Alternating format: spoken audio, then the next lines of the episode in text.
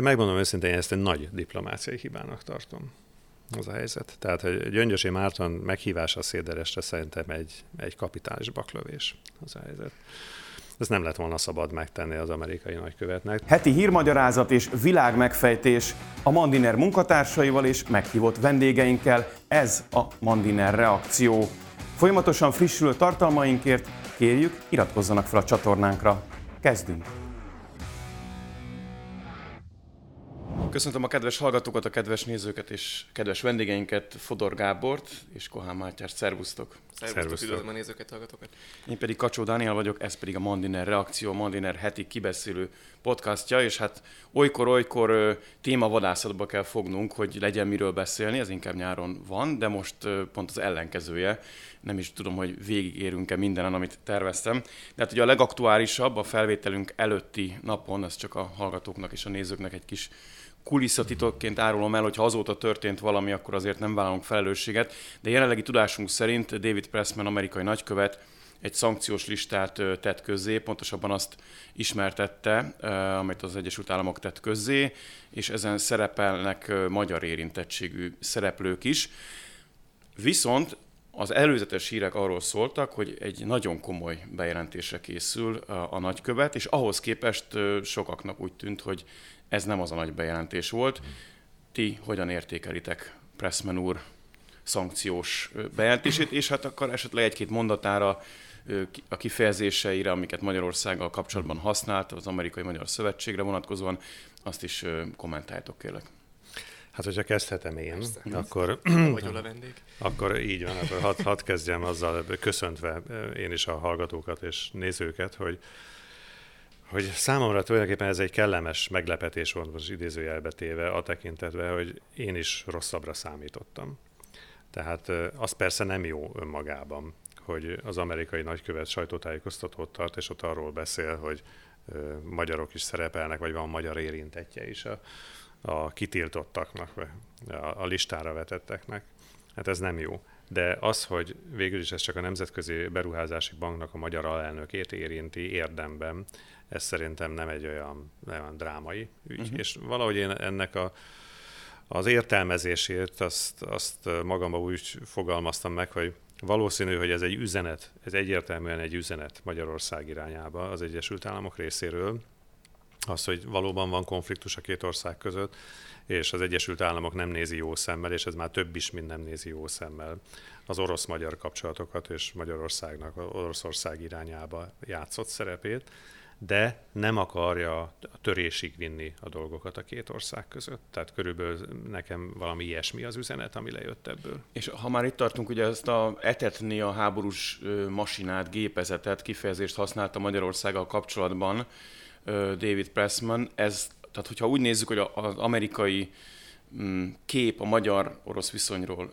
akkor ezt személy szerint helytelenek tartott? Tehát valóban olyan szoros Magyarország és Oroszország viszonya, kapcsolata valóban tehete Magyarország arról, hogy mondjuk több pénze van Putyinnak fegyverekre, mint hogyha mondjuk ez a bank nem lenne itt Budapesten. Tehát, hogy nem túlzása azt, amit, ahogy kommunikálja mondjuk az Egyesült Államok a magyar pozíciót ebben az ügyben?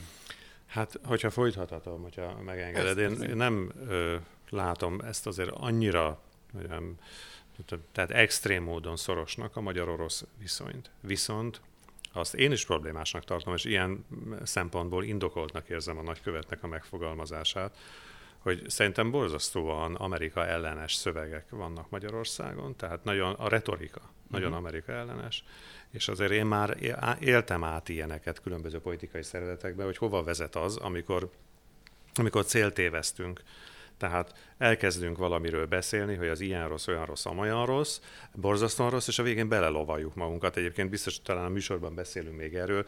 Pont a, a Fidesz politikájában az elmúlt években láttam ilyeneket, mert szerintem a néppártból való kilépés, ami óriási hiba volt, ott is valami hasonló folyamat zajlott le hogy annyi rosszat mondtak már a végén a néppártról, hogy a végén, amikor egy szerencsétlen helyzet előállt, nem nagyon volt más út. Szóval számtalan ilyen példát tudok mondani, nem jó ez szerintem. Tehát én is saját magam tudom ezt aláhúzni a saját magam tapasztalataival, hogy számtalan műsorba, számtalan vitára járok, beszélgetésre, van, ami a nyilvánosság előtt televízióban, rádióban, más helyen van, ahol más körökben, tehát meghívnak különböző helyekre beszélgetni, és minden alkalommal azt tapasztalom, hogy lényegében én vagyok a, az a szereplő, aki próbálja az Egyesült Államokat valamilyen módon megérteni vagy megvédeni. Iszonyatosan túlzásokba eső kritikákat, sőt, ingerült felszólalásokat hallok velük kapcsolatban. És ez szerintem túlzás. De hogyha még egy picit akkor nál tartanám a szót, aztán Matyinak, Matyit kérném meg, hogy folytassa. Nem lehetek külön választani azt, hogy van ugye egy, egy Joe Biden nevű amerikai elnök, aki, hogy mondjam, kicsit fel, felmelegeti ezt a beavatkozási politikát, ami az Egyesült Államok vezetési részéről nem mindig evidens, hogy tegyünk helyre azokat a helyszíneket a világ különböző pontjain, ahol szerintünk nem megfelelő módon működik az állam, a jogállamiság, ismerjük ezeket a kifejezéseket, David Pressman tegnap is használta a varázsszavakat, hogyha lehetek egy kicsit cinikus ezügyben. Tehát, hogy van egy, Joe Biden maga is megemlítette a magyar miniszterelnököt még egy kampánybeszédében az elnökválasztás előtt. David Pressman is azért a meghallgatáson, mielőtt megérkezett volna Magyarországra, Washingtonban már mondott dolgokat Magyarországról, tehát hogy a tyúk vagy a tojás esete is felhozható, hogy alapvetően egy ilyen demokrata, kritikus, ha úgy tetszik, liberális politikai percepció vagy álláspont az, amivel szemben ezek az Amerika ellenes ellenérzések megfogalmazódnak magyar politikai aktorok vagy megmondó emberek részéről. Tehát nem, na, most bonyolult voltam, de a legegyszerűbb az lenne, hogy azt mondanám, hogy nem Amerikával, hanem a liberális vezetésű Amerikával szemben vannak ellenérzései egyes embereknek, akik adott esetben még magukra vettek olyan kritikát, ami nem biztos, hogy járt volna. Nézd, ez lehetséges, hogy így van, és biztos van is ebben igazság, amit most elmondtál, de azért a hangsúlyok mégis mások, szerintem. Tehát, hogy konkrét példát is hadd mondjak erre, akár kettőt is. Tehát az, az egyik mondjuk az oroszok kérdésére pillanatra visszakanyarodva, megint jó néhány műsorban, ahol vagyok, ott mindig azt tapasztalom, hogy hogy nekem fontos mindig elmondanom azt, hogy azért tegyük világosra azt, hogy mégiscsak Oroszország támadta meg Ukrajnát, és ez elfogadhatatlan minden tekintetben. Tehát nemzetközi jogot, aláírt szerződéseket, adott szó, mindent megsértett ez ügybe. Tehát ezt azért, ezért mindig folyamatosan szögezzük le, amikor, uh-huh. amikor arról beszélünk, hogy kinek mi a platformja. Szerintem ez egy lényeges. Az Egyesült Államokkal kapcsolatban is ugyanilyen fontosnak tartom, hogy azt azért mindig szögezzük le, hogy az, hogy mi szabadságban élhetünk, hogy sikerült búcsút mondanunk a kommunista diktatúrának, abban az Egyesült Államoknak kulcs szerepe volt. Hiszen, hogyha nincs Amerika, akkor nincs az a hatalom, aki a Szovjetuniót olyan fegyverkezési verseny, versenybe kényszeríti, amely miatt egy gazdasági összeomlás bekövetkezett, és azt se felejtsük el, hogy 88-90-ben az európai hatalmak többsége egyébként nem akarta azt, vagy félszívvel akarta azt, ami azután lett, hogy csak egy példát mondjak, mondjuk a német egyesítést, azt az Egyesült Államok akarta, Franciaország vagy Nagy-Británia egyáltalán nem volt lelkes ettől. Margaret Thatcher kifejezetten ellenezte. Így van, szóval, és akkor még sok mindent lehetne mondani, ergo én azt gondolom, hogy amikor kritizáljuk az Egyesült Államokat, és lehet természetesen, mert ha már ezt a példát hoztad, Joe Biden féle kormányzatot, én na, nagyon sok kritikát tudnék mondani. Már veled való beszélgetésben is említettem, hogy én nem tudom megbocsájtani az afganisztáni kivonulást, és ami uh-huh. akkörül történt, meg számtalan más komoly külpolitikai és belpolitikai hibát is tudok mondani, tehát tőlem távol áll ez a kormányzat, szerintem nagyon rosszul szerepelnek, de attól még Amerikát nem tudom az elmúlt két-három év alapján megítélni, hanem az elmúlt évtizedek alapján ítélem meg, ahogy ránk, Közép-Európára és Magyarországra hatott. És abban pedig nagyon pozitív volt a szerepe, és mi nagyon sok hálával tartozunk nekik szerintem azért, uh-huh. hogy egyáltalán szabadságban élhetünk. Tehát én innen próbálom nézni az Egyesült Államokat is. Hát azért jelen szerint Orbán Viktor állított szobrot Ronald Reagannek például, úgyhogy nyilván bonyolultabb a kép annál, mint sem, ahogy mondjuk a bizonyos sajtótermékek vagy politikusok lerajzolják, de akkor Matyi, te jössz. Térjünk vissza David Pressman uh, sajtótájékoztatójára. Neked leesette az állad?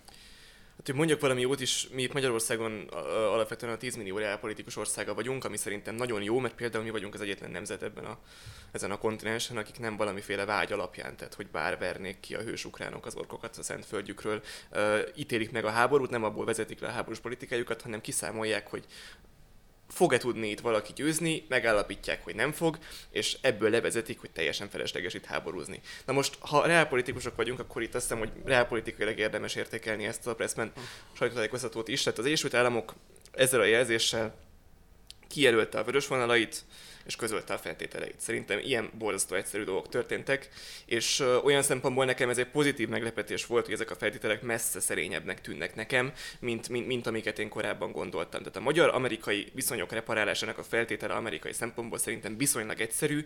Minden olyan intézményt ki kell utasítani Magyarországról, amely bármilyen módon uh, titkosszolgálati szempontból a NATO szövetség integritását sértheti.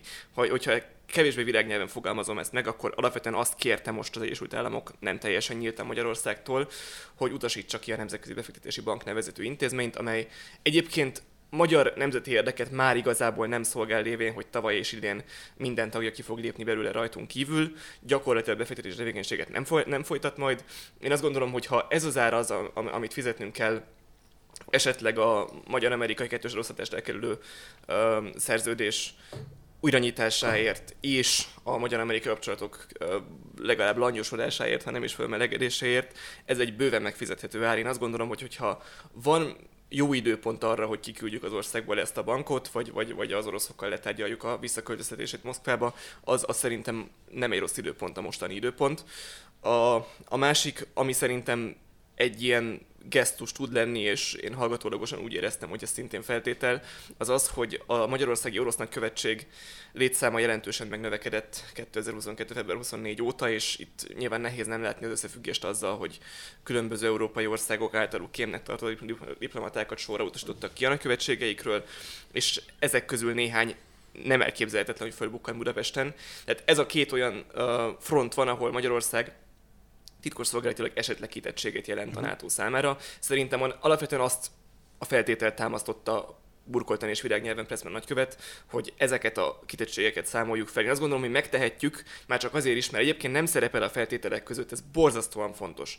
Hát én, én számítottam arra, hogy valami ennél sokkal keményebb üzenet lesz a magyar energiapolitika kapcsán, aminél meg az a gondolatom, hogy, hogy, hogy, hogy ez egy olyan reálpolitikai helyzet, ahol nem tudjuk teljesíteni az USA feltételeit. De azt gondolom, hogy tekintetbe véve azt, hogy az USA-nak hatalma van arra, hogy holnap Bulgáriával megelőzesse Magyarországot.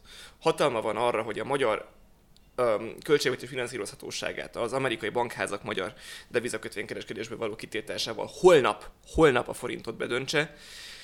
Egy ilyen követelést vagy feltételt, mint amit most Pressman nagykövet támasztott, szerintem ha reálpolitikailag gondolkozunk, akkor nem tudunk nem teljesíteni. Hát nagyon örülök annak, hogy nem sért alapvető magyar nemzeti érdeket az, amit Pressman nagykövet feltételeként megfogalmazott, és azt gondolom, hogy elérkeztünk arra a pontra, amikor az amerikaiaknak ebben gesztust kell tenni. Nem azért, mert igazat adunk nekik, vagy mert borzasztóan hatalmas fenyegetést látunk a Nemzeti Beruházási, Beruházási Bankban Magyarország számára, hanem azért, mert az Egyesült Államok pont ugyanúgy, ahogy egyébként Oroszország a gázfegyverrel, vagy az olajfegyverrel zsarolási potenciállal bír Magyarországra, és ebben a helyzetben, aki reálpolitikailag gondolkozik, az, az igenis tesz egy gesztust, főleg akkor, hogyha az neki nem vállalhatatlan. Hadd legyek egy a 10 millióból, aki nem reálpolitikus, ahogy ezt hallgatom, és szerintem nagyon sok magyar médiafogyasztó is körülbelül ilyen gondolatokat fogalmazhat meg. Hát de mi nem barátok és szövetségesek vagyunk. Miért beszélünk olyan dolgokról, hogy minket az Egyesült Államok utasíthat, kényszeríthet, elvárásokat fogalmazhat meg, amikor jelen szerint a konfliktus lényege az, hogy Oroszország agresszorként megtámadott egy nem NATO tag, nem EU tag Ukrajnát, és igazából a konfliktus kiszélesedéséként értelmezhető, hogy az Egyesült Államok ennek mentén egy másik szuverén ország, amely ráadásul vele lazább szövetségi viszonyban van, mint mondjuk mi és Franciaország az Európai Unión belül, fogalmaz meg elvárásokat. Tehát most nagyon leegyszerűsítve, mi köze az Egyesült mm. Államoknak ahhoz, hogy a magyar kormány hogyan szervezi az életét, amikor egyébként valamennyi szankciót és valamennyi olyan közös lépést, jelezve ellenérzéseit és ellenérveit, támogat, tehát nem fekszik keresztbe semmilyen olyan lépésnek, amit a nemzetközi közösség Oroszországgal szemben megtesz. Tehát, hogyha mi megtesszük a minimumot, de közben hangsúlyozzuk, hogy Oroszországgal bizonyos laza kommunikációs csatornákat annak érdekében, hogy majd a megfelelő pillanatban tudjunk békéről tárgyalni, fenn kell tartani, akkor ez miért nem elég? Naivan kérdezem, de, de mégiscsak azt gondolom, hogy egy nagyon leegyszerűsített gondolkodásmód mentén sokakban fölmerülhet ez a kérdés. Igen, ugye a NATO szerencsére nem energetikai szövetség, és én, én borzasztóan jó jelnek tartom azt, hogy Pressman nagykövet mondom, nagyjából körbevágó körömollóval körbevágta az energia kérdését ezen a sajtótájékoztatón, és semmilyen uh, igényt nem fogalmazott meg a magyar energiapolitikával kapcsolatban most. Jól is tettem, mert egyébként semmi köze az ahhoz, hogy tőle teljesen független és földrajzilag is kifejezetten más helyen lévő országok az energiájukat hogyan szerzik be. Viszont a NATO, amelyben az USA-nak szövetségese vagyunk, egy titkosszolgálati szövetség is. Tehát, hogyha az Egyesült Államoknak olyan igényei vannak, hogy egy a mi közös titkosszolgálati szövetségünkre veszélyt jelentő intézmény ne legyen Magyarországon, ez szerintem egy olyan igény, amit egy szövetség vezetőjeként ők megfogalmazhatnak felénk. Tehát azt gondolom, hogy ez a kérés, amit megfogalmazott Pressman nagykövet, ez azért, mert titkosszolgálati szövetségben vagyunk, ez valódi szövetség, tehát ez nem egy olyan uh, informális akármi, hogy, hogy, hogy, hogy az USA uh-huh. 10 kilométerről meg akarja mondani, honnan megyünk energiát. Tehát ez egy valóban létező és kötelezettségekkel járó szövetség Magyarország és az USA között. Ha titkosszolgálati kockázatot lát az USA Magyarországon, szerintem az egy olyan terület, amely, amelyben joga van megnyilatkozni és kérdéseket tenni, vagy feltételeket szabni. És jó ez, hogyha mi ezt nem. sajtótájékoztatókon keresztül átlag nem, magyar állampolgárként Nem, ilyen... ez nagyon rossz. Ez nagyon rossz, hogyha ezt, hogyha, ezt, hogyha ezt ilyen fórumon kell megmondani, de azt gondolom, mondom, mivel reálpolitikusként gondolkozom mm-hmm. ebben a kérdésben, hogy teljesítő feltétel, joga van kérni az usa mert mondom, ebben a fajta szövetségben igenis vagyunk, ellentétben az energiapolitikával vagy mm-hmm. a mhm. gazdaságpolitikával, és teljesíthető. Tehát nem árt nekünk, hogyha teljesítjük. Jó, a, a, úgy vezetném tovább, és adnám át a szót, de bármi, ami ezzel kapcsolatban elhangzott, kérlek, hogy reagálj. Igen. Hogy a magyar kormány nyilván egy a politika, modern politika leegyszerűsítő nyelvezetéhez nyúlva, a álláspontját nem bőven kifejtve, azt kommunikálta mindezzel kapcsolatban, előzetesen is egyébként a tájékoztató előtt, hogy a háborúba való belesodródásra szeretné belepréselni Magyarországot az Egyesült Államok, ez nyilván egy nagyon leegyszerűsítő, könnyen értelmezhető, de leegyszerűsítő álláspont. Látsz-e benne ilyesmit? Tehát azért mégiscsak arról, arról van szó, hogy az Egyesült Államok legalábbis a jelenlegi vezetése, a republikánusokat nem sorolnám ide, a jelenlegi vezetése szeretné, hogy ez a háború addig tartson, erről plakátok is megjelentek Magyarországon, ameddig az oroszok nem takarodnak el a Krimfélszigettől kezdve az összes olyan területről, amit az elmúlt évtizedben elfoglaltak, már pedig erre mondják sokan, hogy ez nem reális. Hm. Szóval az előző témával kezdve, én ezzel teljesen egyetértek, hogy a NATO az egy más terület. Tehát a, mi NATO-ban szövetségesek vagyunk, az Európai Unióban az uniós országokkal vagyunk szövetségesek, a NATO-ban pedig ugye ez egy Atlanti szövetség, így az Egyesült Államokkal és, és Kanadával is természetesen szövetségben vagyunk, és ott kötelezettségeink is vannak. Tehát szerintem ez, ez, ez egyértelmű, hogy, hogy ezt itt komolyan kell venni. Ilyen értelemben és teljesen egyetértek a Matyival azzal, amit mondott. Amit most felvetettél, Dani, hogy, hogy most ez nem nyomásgyakorlás arra, hogy a mi szerepünk változzon meg abban, amit a, a kormány visz, de biztosan van ebben némi nyomásgyakorlás a, a plakát kampányban is, de én ezt azért nem tartom olyan elvetemű dolognak megint csak. Hát itt láthatóan van egy nézetkülönbség. Az Egyesült Államok természetesen a szövetségeseit nyilván próbálja biztatni egy irányba, és ráadásul az a helyzet, itt a szövetségesek azért elég egy irányba mennek. Tehát, hogy itt a probléma szerintem inkább megint az, hogy, hogy nekünk generálisan az elmúlt években a magyar külpolitikában, ugye itt már előtt tettem egy megjegyzést a néppártból való kilépésre a mhm. Fidesz részéről, ami szerintem egy hiba volt. Azt csak zárójelbe jegyzem meg, hogy egyébként az viszont egy okos ötlet volt, hogy a KDNP ott van a néppártban. Ez tényleg szerintem az egy, az egy nagyon jó ötlet volt, hogy ott megtartották, mert legalább van egy szál, egy enyhe szál, amit látunk most Navracsis Tibor szerepében, a KDNP szerepében is, tehát ez egy nagyon ilyen értelemben ez egy ügyes, bár sajnos nem igazi súlyjal, politikai súlyjal rendelkező pozíció, de mégis egy, legalább egy szál, egy csatorna, ami megmaradt kommunikációnak, tehát szóval a zárójel bezártva, tehát a magyar külpolitikának az elmúlt éveihez visszakanyarodva egy óriási probléma és egy hiba szerintem, hogy borzasztóan elszigeteltek vagyunk. Tehát például a NATO-ban, az Európai Unióban is egyedül vagyunk, és most már a visegrádi országok sem működnek. Tehát ez egy, ez egy nagyon komoly probléma, és lényegében ebben a kérdésben is most, amit te mondtál, tehát hogy a, a háború kérdésében hogyan foglalunk állást, az összes szövetségesünk, tehát a NATO országok beli szövetségeseink, most a törököket most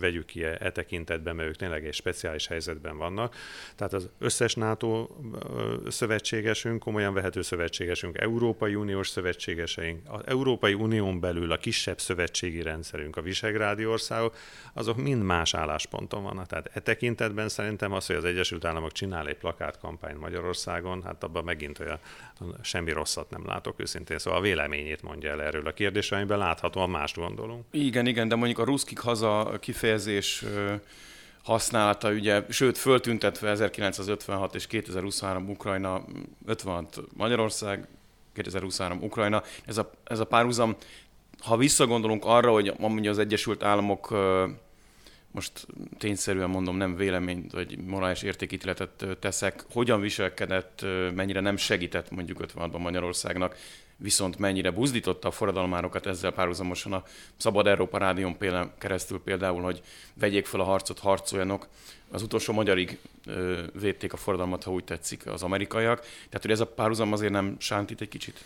Hát nézd, én erre azt gondolom, hogy, hogy Szóval, ha most ezt én szó szerint veszem, amit mondtál, akkor azt kell mondanom, hogy akkor neked most nagyon örülnöd kell az Egyesült Államok szerepvállalásának, mert most végre, végre az van, hogy nem csak buzdít a Szabad Európa Rádión keresztül, hanem, hanem igyekszik tevékenyen segíteni. Szóval szerintem két más történelmi helyzetről van szó. Szóval 1956-ban egyszerűen ugye volt két atomhatalom egymással szemben a hidegháborúnak az abszolút benne vagyunk a legmélyében. Tehát akkor jogosan lehetett arra számítani, hogy egy ilyen konfliktus, ami nem sokkal a második világháború befejezése után tör ki a szovjet érdekszférában belül, vagy mi a Szovjetunió által megszállt ország Így voltunk. Tehát a szovjet érdekszférán belül, akkor abból atomkonfliktus lesz. Erre jogosan lehetett számítani. Ez nyilvánvaló volt, hogy az Egyesült Államok ilyen helyzetben nem teheti meg azt, hogy azon túlmenően, amilyen segítséget adott a buzdításon és a lelkesítésen és egyebeken kívül, meg aztán a menekülteket befogadta és sok minden más, ezen túlmenően nem voltak eszközei. Ma más a helyzet. Értem, de akkor ezt úgy is értelmezhetem magyarként, hogy az Egyesült Államok az orrom alá dörgöli, hogy nekünk nem segítettek, de most kaptak egy másik sanszot, hogy morálisan helyrehozzák az akkori hibájukat, viszont ebben már akkor minket is kérnek, hogy szálljunk be. Szerintem Amerika 1956-ban amit tehetett, megtehetett. Tehát én szerintem nem lehet jogosan elvárni Világos, tőle azt, hogy robbantson ki egy, egy atomkonfliktust ezért, és szerintem amit megtehet most, azt is maximálisan megteszi egy más történelmi helyzetben. Most aktívan ott van. Igaz, ez mondom másod történelmi helyzet, mert ugye most már a szovjet birodalom elmúlt, mi, mi is már NATO tagok vagyunk, egyebek, tehát más, egészen más a történelmi szituáció, mint 1956-ban volt, de szerintem az Egyesült Államoknak nem lehet ebben szemrehányást tenni. Értem. Hát én a plakátkampányt egy kicsikét máshogy látom. Egyrészt engem orosz szakosként mérhetetlenül bánt, és a szememet nagyon zavarja, hogy elszúrták az orosz fordítását a ruszkik hazának. Tehát a, a, a ruszki damoly az óval van írva a rohadt életbe. A, az A az az ejtésben van, az oroszban ott a, a, arra redukálik az, redukálódik az ó, hogyha nincsen rajta hangsúly, de, de írva óval írjuk. Tehát nem Szentpéterváron vagyunk, hogy itt össze-vissza furcsán használjuk az orosz nyelvet, és eltérjünk a moszkvai normáktól, hogyha oroszul írunk, akkor írjunk oroszul, mert egyébként azt eszkírozzuk, hogy nem, ért, nem értik meg, és nem mennek elolvas, el. elolvassák a ruszki damoit, nem értik, nem hogy hol van haza. a damoly, és nem mennek haza. Mm. De hogyha komolyabbra fordíthatom a szót, akkor hát Kérlek. az 56-2023 párhuzam nekem azért borzasztóan sánta, és nem csak azért, amiért, amit te is fejtegettél, hogy ez nekünk amúgy rosszul esik, mert itt egy, egy, egy, egy, egy, egy cserben hajók magyar forradalmat hasonlítanak a, a, a, az ukránok jelenlegi küzdelméhez, hanem azért is, mert még az 56-os forradalom kirobbantásában alapvetően a mi szerepünk volt a fontos, tehát hogy mi lázadtunk föl a szovjet hatalom ellen, majd azt nyomta el a szovjet hatalom. 2023-ban nem ez történt. Tehát én soha nem vitattam el Vladimir Putyinnak a személyes kitüntetett felelősségét abban, hogy ez a háború elindult, és nyilvánvalóan ez az ő semmivel nem indokolható, morálisan vállalhatatlan döntése volt, de hát az amerikai Egyesült Államok szerepe ennek a háborúnak a kirobbanásában vitathatatlan. Azt, azt nem lehet állítani, hogy ez egy ilyen természeti csapásszerű jelenség volt, hogy volt egy bátor ukrán forradalom, és akkor lecsapott a ruszki. Tehát nem ez történt. Annak ellenére mondom, hogy Oroszország hozta meg a bűnös és hibás döntést ebben a kérdésben. Ha az Egyesült Államok politikája nem úgy néz volna ki egyébként a 2008-as NATO csúcs mint ahogy kinézett, akkor Ukrajna ma nem állna romokban.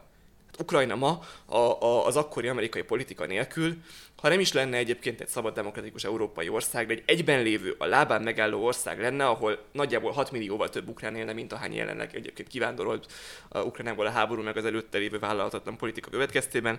Szerintem területileg egy integráns állam lenne magában foglalva a krímet, és nagyjából úgy, mint Belarus, élhető, bár nem túl demokratikus és nem túl szép országként elevészkelne valahogyan a, a, az orosz blokk és a nyugati blokk között. Én azt gondolom, hogy az, az ukrán geopolitikai pozícióban nagyjából ez a legjobb elérhető dolog. Ha megnézzük Belaruszt, itt erről ezen a héten kedden egy véleménycikket, ez engem borzasztóan foglalkoztat, mint, mint összehasonlítás, akkor azt látjuk, hogy még egy orosz csatlós diktatúrában is jobb, jobb élni, mint Ukrajnában volt 20 évvel ezelőtt, vagy lesz 20 év múlva, vagy amennyire most jó Ukrajnában élni.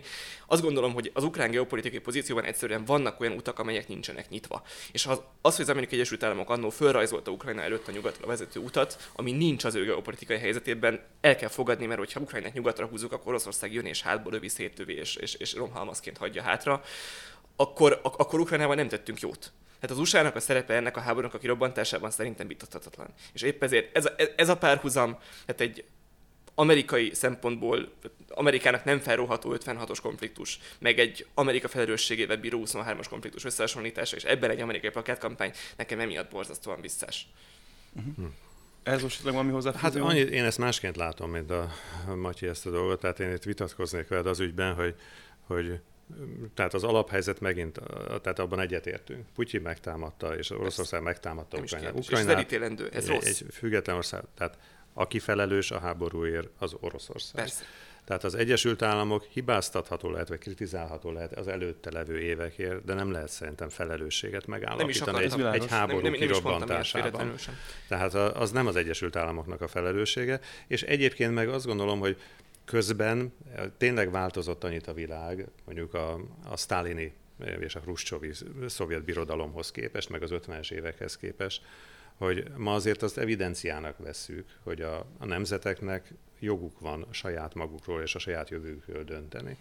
És ebbe beletartoznak az ukránok és a belorusszok is. Tehát te nyilván sokkal jobban ismered Belorussziát, én nem ismerem, mert én egyébként én nem jártam ott, és te, te ismered, mint ahogy mondtad, jártál is ott. Én nem ismerem, de olvasom róla a híreket. Hát azért mégiscsak arról van szó, hogy nincs politikai szabadság, hogy el kell menekülni annak, aki elnök jelöltként indul, hogy a, börtönök politikai elítéltekkel vannak tele, és brutális erőszakkal lépnek fel a politikai véleménynyilvánítással szemben, és mindeközben lehet, hogy van egy hogy relatíve nyugodt élet, de még sincs szabadság. Hát Magyarországot, amikor a legvidámabb baraknak hívták a Kádár rendszerben, nálunk is valami hasonló volt, hogy hát úgy eljött ide valaki, és azt mondta, hogy hát ahhoz képest, hogy kommunizmus van, még elég normálisan élnek az emberek, de politikai szabadság semmi sem volt. Szóval szerintem a belorusszoknak is, meg az ukránoknak is joguk van ahhoz, hogy azt mondják, hogy igen, mi szabadok szeretnénk lenni, mi szeretnénk több pártrendszert, szeretnénk szabad választásokat.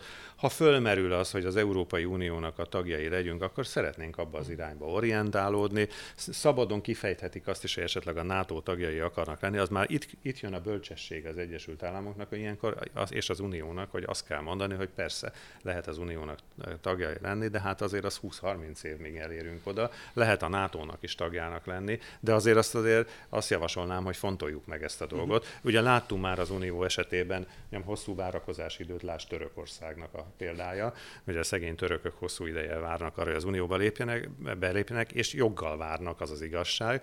Tehát, hogy mondjam, ki lehet fejezni az akaratot, és lehet azzal még olyan politikailag mozgásterünk is van abban, hogy az mikor valósul meg, vagy mikor válik valóvá. De szerintem az minden népnek joga van, hogy ez világossá tegye, hogy ő milyen irányba akar menni. És ezt nem lehet se az ukránok, se a beloruszoktól elvitatni, és nem lehet azt mondani, mivel orosz érdekszféra, ez, ez, gyerekek, nektek a szabadsághoz, meg a jövőtök meghatározásához nincs jogotok. Ha, nem, ha, egy kicsit kell kezd, csak amikor az irakiak feltételezhetően nem akartak Saddam Hussein alatt élni, vagy most már uh-huh. lehet, hogy később azt mondjuk, hogy lehet, hogy mégis akartak ahhoz képest, hogy mi lett, akkor is hasonló mondások voltak, hogy az, az Egyesült Államok segíti, hogy jobban éljenek ott az emberek. Aztán tehát, hogy én az, arra akarok csak ennek kapcsán megjegyzésként rávilágítani, hogy lehet, hogy ennél bonyolultabb, amikor már az Egyesült Államok ott van, ki tudja milyen eszközökkel, és segít egy mondjuk Oroszországhoz igen közel lévő országban úgymond kitérsíteni a szabadságjogokat. Nem vagyok benne biztos, hogy,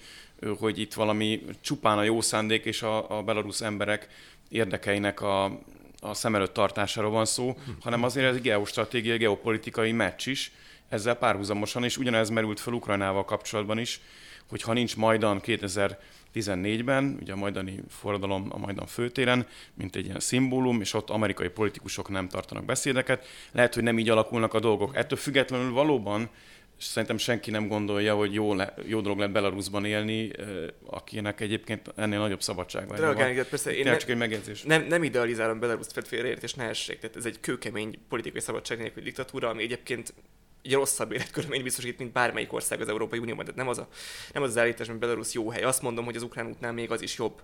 És, és ez, ez objektíven nem érhető a, a, az egyfőre jutó vásárlóerőparításon miért nemzeti össztermékben, vagy abban, hogy hány Belarus vándorolt ki, és ehhez képest hány ukrán vándorolt ki. Az egy érhetőbb, jobb modell, mint az ukrán modell.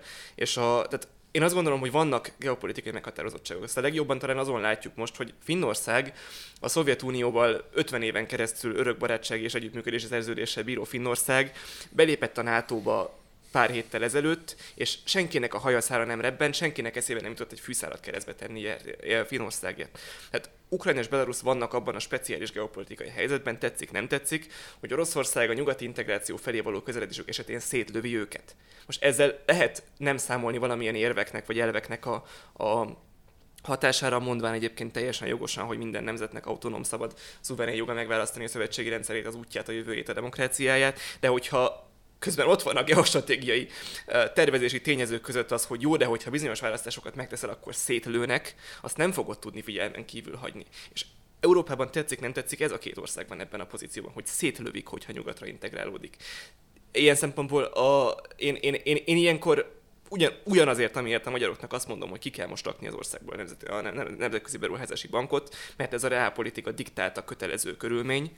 Épp, épp ugyanez a, a gondolat vezet engem akkor, amikor azt mondom, hogy Ukrajnának annak a két országnak, amelyet Oroszország a saját történelmi civilizációi részeként tekint, nincsen nyitva pont ugyanaz a nyugati út, amely Közép-Európának nekünk Istennek hála nyitva volt. És, és hogyha akarunk ezeknek az országoknak élhető jó körülményeket, akár európai értelemben vett gazdasági kulturális fejlődést, területi integritást, békét, nyugalmat, akár szabadságot, akkor, akkor, akkor tervezni kell azzal a tényezővel, hogy Oroszország ezeket az országokat rommá lövi. Akkor, hogyha nyugatra akarnak orientálódni. Mondom, ez egy ronda dolog, ez, ez semmilyen elvben nem passzol bele az én világlátásomba sem, amit én a, a nemzeti szuverenitásról gondolok.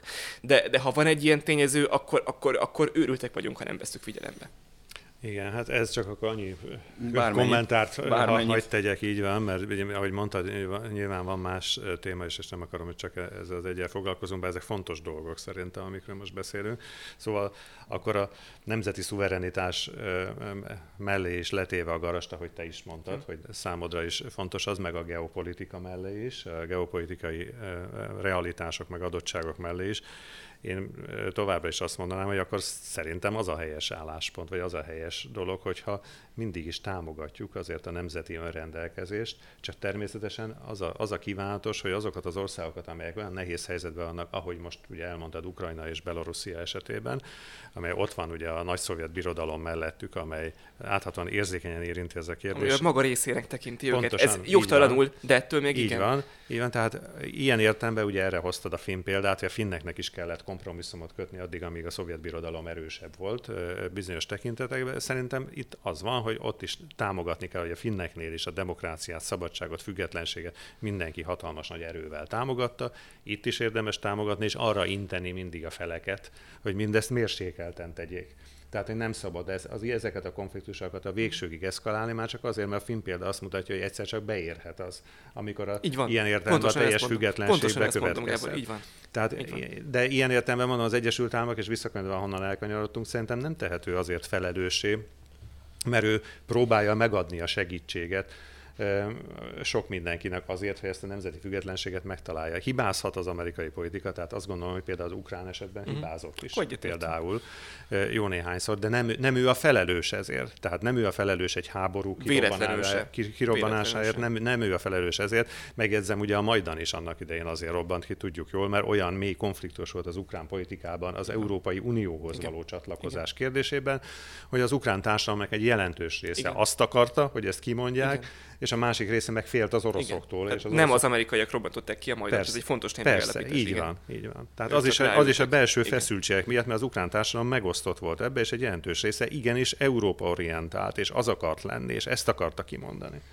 Éles váltás, de mégsem annyira maradunk egy kicsit még David Pressmannél. Szerintetek mit keres egy Gyöngyösi Márton a Széderesten? Hát igen. Ez egy jó találgathatunk, mert maga nem mondta el, mármint egy nagyon furcsa magyarázatot adott David Pressman, hogy hisz a változás erejében, vagy hasonló. Személy szerint, vagy szerintetek ez, ez taktikai húzás volt, politikai, diplomáciai hiba volt, és egyáltalán Gyöngyösi Mártonnak van-e helye egy ilyen vacsorán? Hát megmondom őszintén, ezt egy nagy diplomáciai hibának tartom az a helyzet. Tehát, hogy Gyöngyösi Márton meghívása a Széderesre szerintem egy, egy kapitális baklövés az a helyzet. Ez nem lett volna szabad megtenni az amerikai nagykövetnek, tehát Azért, azért nem lett volna szabad megtennie, mert az én tapasztalataim azt mutatják, az elmúlt évtizedes tapasztalataim, és ezek elég hosszú tapasztalatok, már elég mély gyökerekkel rendelkező tapasztalatok, hogy a világnak vannak olyan országai, ahol rendkívül felkészült a diplomácia. Az egyik ilyen az Amerikai Egyesült Államok, a másik mondjuk Nagy-Britannia és Meg a Vatikán A Vatikán is elég jó, ez kétségtelen, de az én tapasztalataim szerint különösen a rendszerváltás az volt egy nagyon érdekes dolog, hogy kinek milyen bátorsága van, milyen aktivitása van, mennyire figyel arra, hogy különböző irányokból információt szerez, ez nagyon tanulságos volt, és az én tapasztalataim azt mutatták, hogy magasan az amerikai diplomácia, és mondom, mögötte ott volt a brit, ez kétségtelen. Ez a két diplomácia volt kiemelkedő, és azon túlmenően még van néhány felkészült diplomáciai ország szerintem. Na most a, ilyen hibát elkövetni egy olyan ország részéről, ahol, ahol a, a legfelkészültebb diplomáciai kar van, és a legkomolyabb tudásbázis van mögötte, szerintem nem lett volna szabad. Hát ugye az a magyarázat, hogy pont azért hívták meg Gyöngyösi Mártont, aki elhíresült számtalan megjegyzéséről Magyarországon. Ugye Magyarországon azért a magyar közéletben úgy van számon tartva, mint aki zsidókat akart listázni, és az antiszemitizmusnak egyfajta hát, szimbóluma sok tekintetben. És választási megfigyelő volt. Így van, annak idején pontosan, pontosan így Ukrán van. területeken, amelyek orosz megszállás alatt Ez a pontosan, igen. így van, így van a, a nagyszerű népszavazásnál, ugye ott volt választási megfigyelő. Szóval az a helyzet, hogy szerintem ugye az, orosz, az amerikai nagykövetnek az a az a ö, ö, magyarázata, hogy azért hívtam meg Gyöngyösi Márton, mert pontosan ő ugye itt a, a, a pálféle úton, tehát hogy hogyan, Saulból hogyan vágunk, vágunk Pállá, tehát ezen a változásnak, az alapvető változásnak az útján végigment, és most már... Már Damaszkuszban van. Így van, és ő már a damaszkuszi út, útnak a végén jár.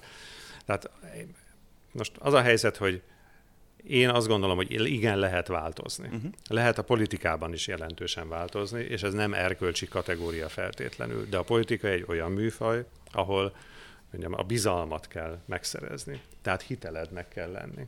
Nincs hiteled akkor, hogyha ez a változás nem tűnik elfogadhatónak és mélynek a nagy közönség részéről. Tehát, hogyha ez nem úgy történik, hogy te azt, azt látod, hogy te ezt megszenveded, erre szokták ilyen a felszínen mondani azt, hogy de kérem szépen, akkor ilyenkor a nagy változást le kell mondani, abszolút meg kell változni, végig kell menni valami purgatóriumon ahhoz, hogy, hogy te tényleg meg tud mutatni őszintén ezt a változást, tehát ezt nem látjuk sem a jobbik, sem gyöngyösi részéről, ezért van az emberben végtelenül komoly szkepszis ezzel az egésszel kapcsolatban. Tehát szerintem én ezt nem látom, hogy ez, ez egy olyan elfogadott lenne a magyar közönség számára, hogy itt tényleg itt valaki végigment egy olyan úton, hogy most azt látjuk, hogy újjászületett és megbánta a bűneit. Egy kicsit olyannak érzed ezt, amikor jönnek ezek az elnézést, most is ugye volt, hogy most, most is elnézést kért a, a frissen kiderült megint valahol megjelent ugye valami szöveg, hogy mit mondott valami fórumon évekkel ezelőtt, ami megint hát hajmeresztő. valami olyasmit mondott, hogy ránézésre is Minden izraeli állampolgár egyen-egyenként bárhol, bárhol járjon a világban a, a klasszikus antiszemita szöveg Igen. ugye megint, ami elhangzik, és erre lehet azt mondani, jaj, elnézést, sajnálom, hogy pár évvel ezelőtt ilyet mondtam, de megint hol van a hitelesség? Tehát hogy lehet az, hogy folyamatosan ez az ember pár évvel ezelőtt tetteiről, megnyilatkozásairól ez derül ki, és közben nem látod azt, hogy itt valami valami átélt változás következett volna be. Tehát valami egy megszenvedett, megküzdött átélt változás. Na hát ezért volt szerintem a David Pressman részéről egy hiba, mert a, a részéről meg az üzenet az volt, hogy Ja, az amerikai diplomácia meg ennyire amatőr, hogy nem veszi észre, hogy ebben az országban mit jelent egy Gyöngyösi Márton meghívása egy széterestére. Hát ez szerintem komoly És amit kiderült, ugye az ott meghívott zsidóvallási vezetők, köztük Helyzler András Mazsisz, elnöke is kénytelen volt utólag kvázi magyarázkodni, hogy szinte majdnem azonnal eljött onnan, nem akart botrányt csinálni, tehát hogy neki konkrétan ott lenni sem volt egyszerű ennál az asztalnál. Ezek szerint őt sem győzték meg a purgatóriumban töltött évek Gyöngyösi Márton részéről. De hogyha azt mondjuk, hogy nem hiba, hanem van valami üzenetértéke annak, hogy Gyöngyös Márton ott ült, mert hogyha azt mondjuk, hogy jó, speciálisan neki van ez a múltja, de ő egyébként egy regnáló, még létező parlamenti frakcióval bíró ellenzéki pártnak az egyik képviselője. Egy ellenzéki képviselő mit keres egy diplomáciai eseményen tüntetőleg egyedül, hiszen meg lehetett volna hívni mondjuk adott esetben most, bocsánat, hogy ezt mondom, Fónagy Jánost, aki annak idén a parlamentben, én még máig emlékszem, egy nagyon hiteles, nagyon indulatos és nagyon kemény szöveggel osztotta ki az akkori jobbikosokat, köztük Gyöngyösi Mártont és egyébként még akkor az akkori pártelnököt, talán Vona Gábort, éppen az ilyen antiszemita politizálás miatt én, ha nagykövet lennék, akkor például előbb hívnám meg Fóna Jánost, és még sorolhatnánk politikusokat, de egyáltalán nem hívnék meg regnáló politikus. Tehát, hogy nem lehet, hogy mégis volt valami üzenet szándék ebben is, ebben a meghívásban? Ha nem is úgy sült el, ahogy tervezték? Hát még, hogyha egy megjegyzést hozzátehetek, csak annyit, hogy hogy én továbbra is azt gondolom, hogy itt amatőrségről mm. volt mhm. szó, tehát hibáról volt szó, és nem e, olyan értelembe vett szándékosságról, hogy valami olyan üzenet van, vagy titkos üzenet van a háttérben. Amit Több, mint próbál... bűnhiba. Mm. Igen, próbálunk megfejteni. Tekintettel, hogy hát már elnéződöm, hogy százával vettem részt ilyen vacsorákon, meg ebédeken, különböző nagykövetekkel, nagykövetségekkel, az Egyesült Államoknak is számtalan magyarországi nagykövetével, tehát tudom, hogy hogy zajlanak ezek. Először is általában ahol profi munka folyik, ott általában szoktuk tudni, hogy kikkel megyünk el egy vacsorára. Tehát én a Helyszler Andrásnak elfogadom abszolút a magyarázatát, mert velem is fordult már olyan elő, nagyon-nagyon ritkán, megjegyzem, és nem a profi diplomáciai testületeknél, de előfordul olyan, hogy az ember tényleg olyan helyzetbe találja magát, hogy nem, akkor szembesül azzal, hogy kikkel van ott együtt egy kupacban. Előfordul ilyen, de ez nagyon ritka. Tehát százból egy az a helyzet. Tehát már minden ez furcsa, hogy ezek szerint itt a meghívottak azok nem tudták, hogy kikkel lesznek együtt. Ez már mindjárt... Vagy utólag azt mondják, mert így jobban hangzik, de hát ezt nem tudjuk idejét. Minden egy furcsa dolog. A másik, hogy általában, amikor ezek olyan típusú, tehát van, van egy hivatalos jellege, e, tehát egy nagyköveti vacsora vagy ebéd, az lehet hivatalos jellegű is. Hát olyan értelemben, hogyha tényleg folyik egy ilyen politikai beszélgetés, stb. Tehát mert lehet olyan barát is, amiről aztán persze nem közlünk fényképeket és egyebeket, de az teljesen barát, oda azt hív meg a nagykövet, akit akar, 30 ellenzékét, meg 30 kormánypártit, és meghívhat egy kupacba, az az ő dolga, az teljesen az ő ügye.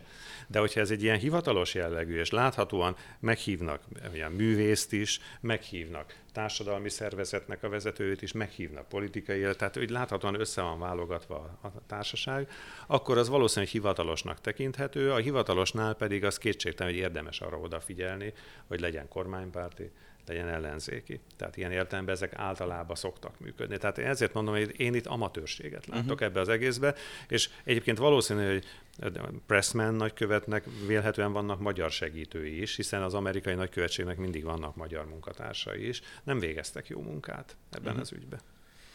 Én ennél borúsabban látom a helyzetet.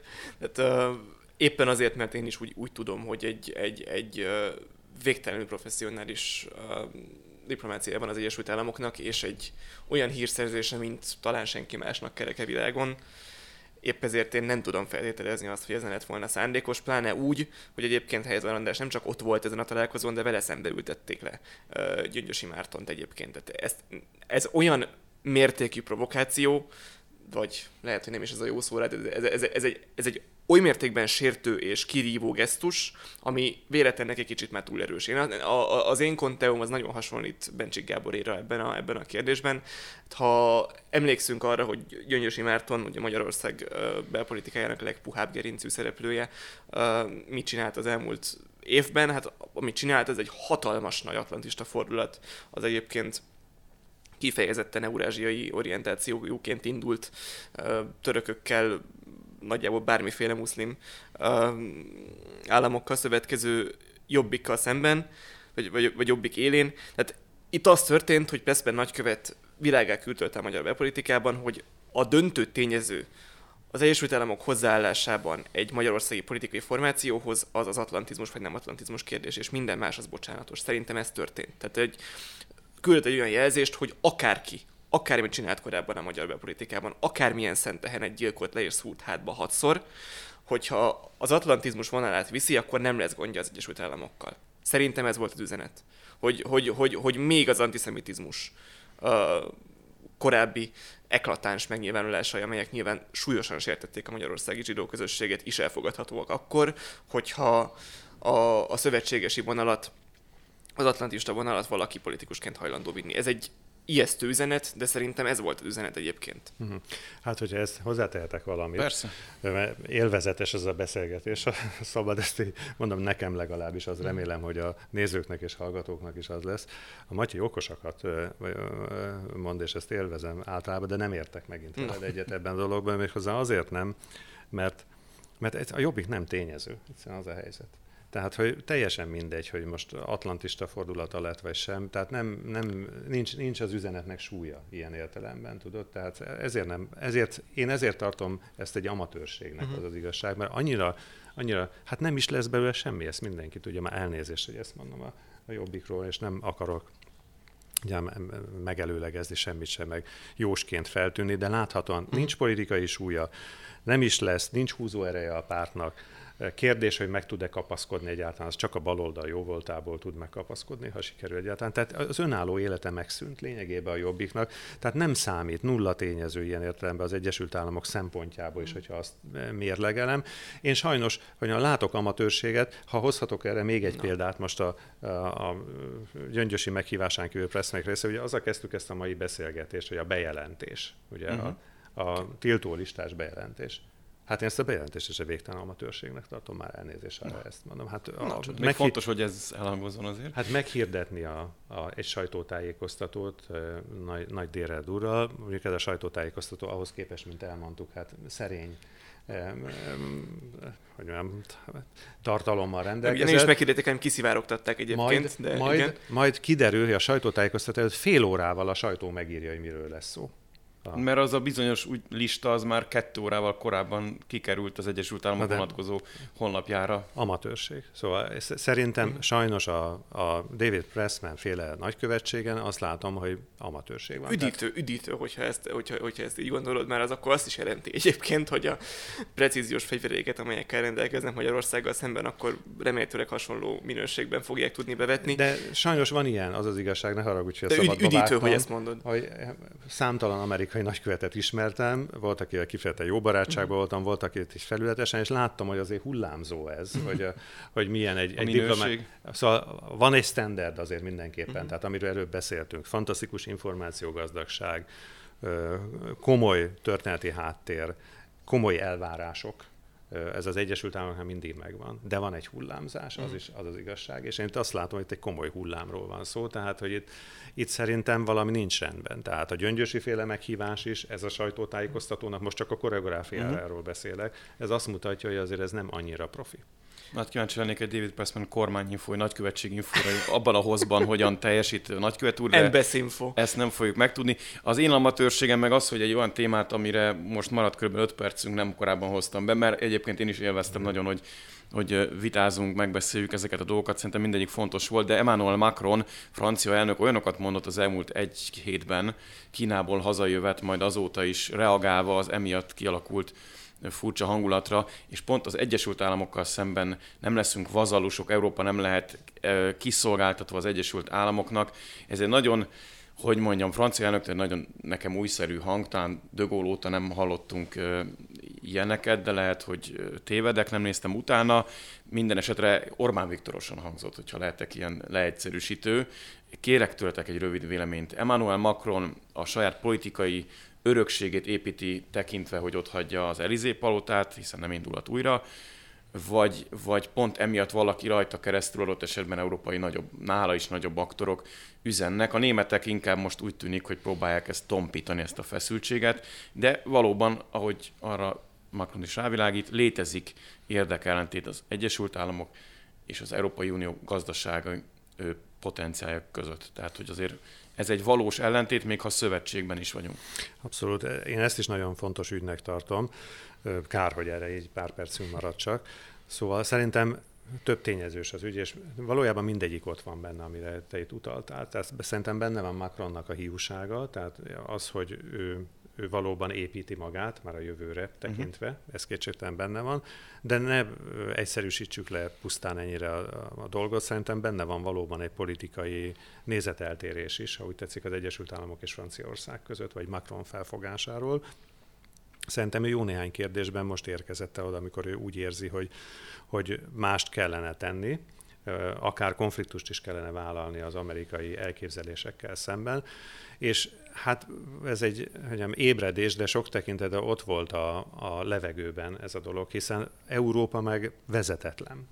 Tehát azt látjuk Európában, hogy Angela Merkelnek a távozása óta gyakorlatilag gazdátlan Európa. Előtte egyértelmű volt, hogy Németország és Merkel kancellár az, aki kézben tartja a folyamatokat. Zárójelbe jegyzem meg, ugye erről is már beszéltem, de itt is szeretném hangsúlyozni, hogy ez rendkívül jó volt Magyarországnak és a Fidesznek. Ugye Merkel mindig arra törekedett, azért, ami a hazai jobboldal nagyon intenzíven szokta szerintem jogtalanul kritizálni Merkel, hogy állandóan kompromisszumot akart kötni, ő mindig arra törekedett, hogy ebben a kompromisszumban Magyarország és, és Orbán Viktor is benne legyen. Kezét, kezelet, mint ő szokta. Igen, na tessék. a na, tehát, igen.